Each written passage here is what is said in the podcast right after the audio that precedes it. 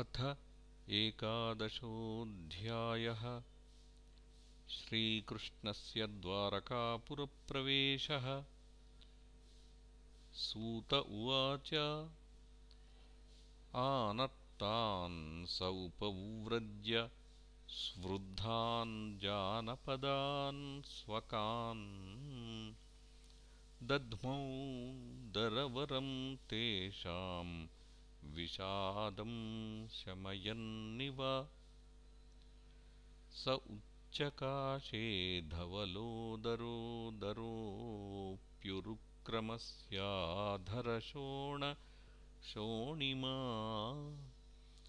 दाध्मायमानः करकञ्जसम्पुटे यथाब्जषण्डे कलहंस उत्स्वनः तमुपश्रुत्य निनदं जगद्भयभयावहम्। प्रत्युद्ययुः प्रजाः सर्वा भर्तृदर्शनलालसाः। तत्रोपनीतवलयो रवेर्दीपमिवादृताः। आत्मारामम् पूर्णकामं निजलाभेन नित्यदा। प्रीत्युत्फुल्लमुखाः प्रोचुर्हर्षगद्गदया गिरा पितरं सर्वसुहृदमवितारमिवार्भकाः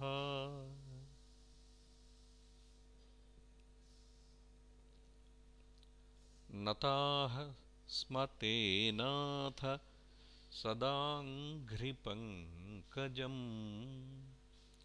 विरिञ्चि वैरिञ्च्यसुरेन्द्रवन्दितम्। परायणं क्षेममिहेच्छतां परम्।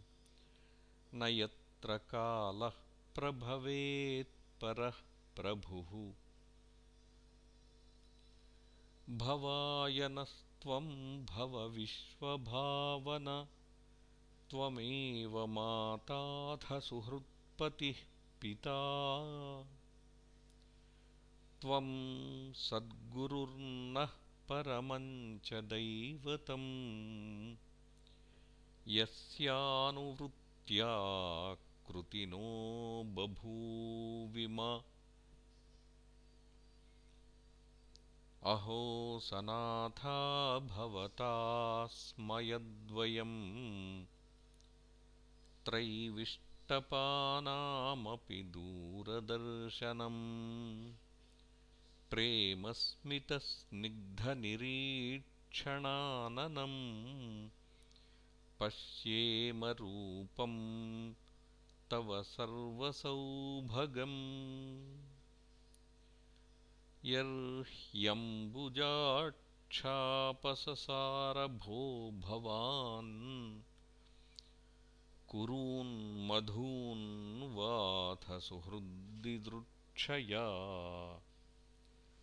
तत्राब्दकोटिप्रतिमः क्षणो भवेत्। रविं विनाक्ष्णोरिव नस्तवाच्युत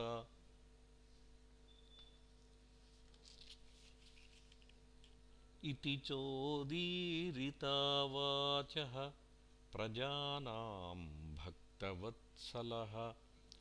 शृण्वानोऽनुग्रहं दृष्ट्या वितन्वन् प्राविशत्पुरीम्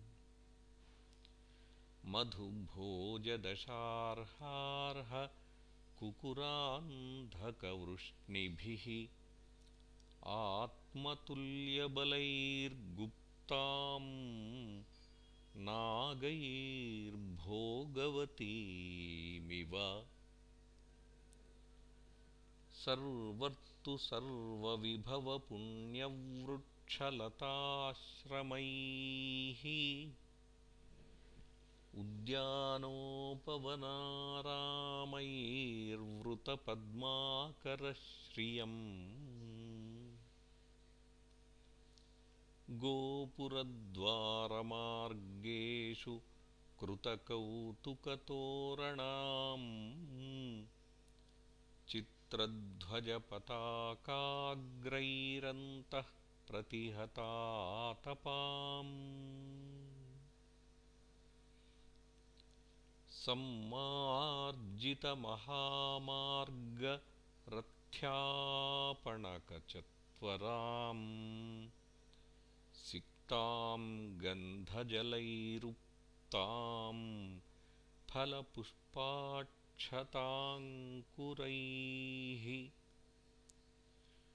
द्वारि द्वारि गृहाणां च दध्यक्षतफलेक्षुभिः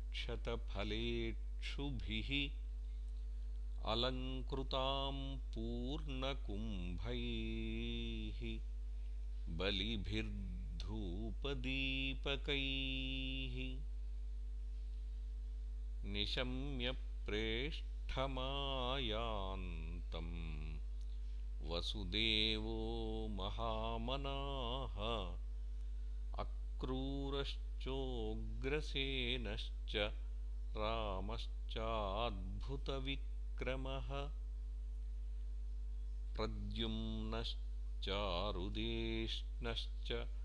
प्रद्युम्नश्चारुदेष्णश्च साम्बोजाम्बवतीसुतः प्रहर्षवेगोच्छ्वसितशयनासनभोजनाः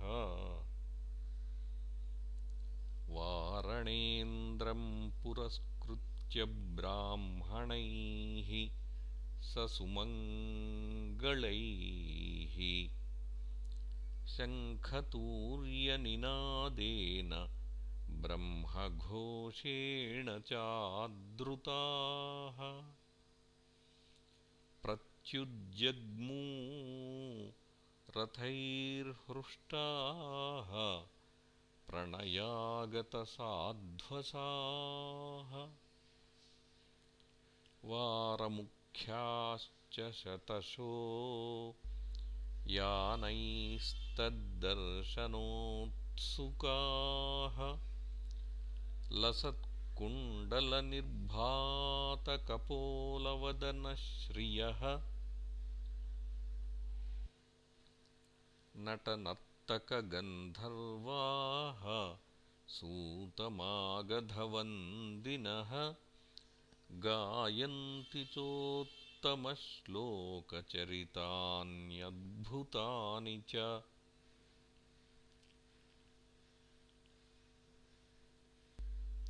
भगवांस्तत्र बन्धूनां पौराणामनुवर्तिनाम् यथाविध्युपसङ्गम्य सर्वेषां मानमादधे। प्रह्वाभिवादनाश्लेषकरस्पर्शस्मितेक्षणैः आश्वास्य चाश्वपाकेभ्यो वरैश्चाभिमतैर्विभुः स्वयं च गुरुभिर्विप्रैः सदारैः स्थविरैरपि आशीर्भिर्युज्यमानोऽन्यैः वन्दिभिश्चाविशत्पुरम् राजमार्गं गते कृष्णे द्वारकायाः कुलस्त्रियः हर्म्याण्यारुरुहुर्विप्रतदीक्षणमहोत्सवाः नित्यं निरीक्षमाणाः रक्षमाणानां यदपि द्वारकौकसाम् नैव तृप्यन्ति हि दृशः श्रियो धामाङ्गमच्युतम्।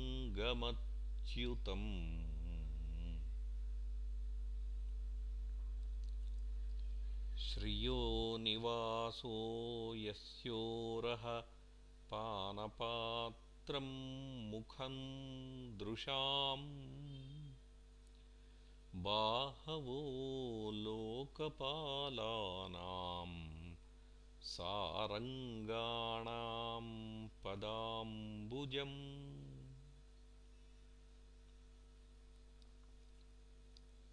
सितातपत् व्यजनैरुपस्कृतः प्रसूनवर्षैरभिवर्षितः पथि पिशङ्गवासावनमालया बभौ। घनो यथार्कोडुपचापवैद्युतैः।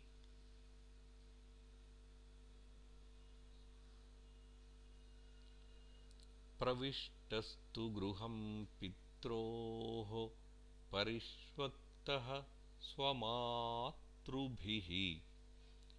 ववन्दे शिरसा सप्तदेवकी प्रमुखा।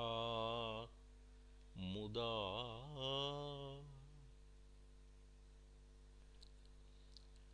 ताः पुत्रमङ्कमारोप्य स्नेहस्नुतपयोधराः हर्षविह्वलितात्मानः शिशिचुर्नेत्रजैर्जलैः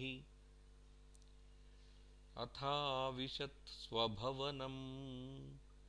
सर्वकाममनुत्तमम् प्रासादायत्र नीनां सहस्राणि च षोडश। पत्न्यः पतिं प्रोष्य गृहानुपागतम्। विलोक्य सञ्जातमनोमहोत्सवाः। उत्तस्थुरारात् सहसासनाशयात्। साकं व्रतैर्व्रीडितलोचनाननाः। तमात्मजैर्दृष्टिभिरन्तरात्मना। दुरन्तभावाः परिरेभिरे पतिम्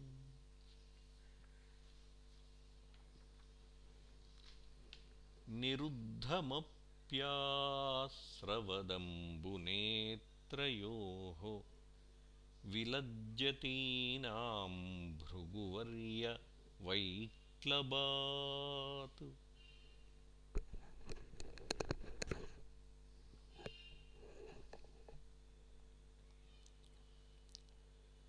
यद्यप्यसौ पार्श्वगतो रहो गतः तथापि तस्याङ्घ्रियुगं नवं।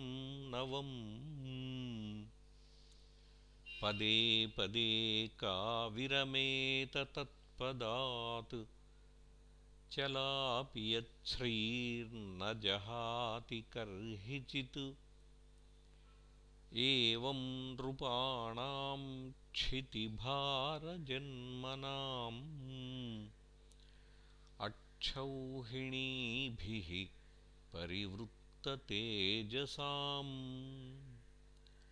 विधाय वैरं श्वसनो यथानलं मिथो वधेनोपरतो निरायुधः। स एष नरलोकेऽस्मिन्नवतीर्णः स्वमायया। रेमे स्त्रीरत्नकूटस्थो भगवान् प्राकृतो यथा।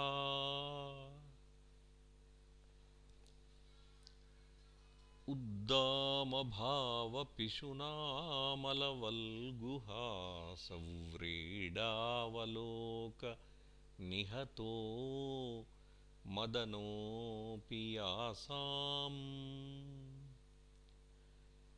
सम्मुह्य चापमजहात्प्रमदोत्तमास्ताः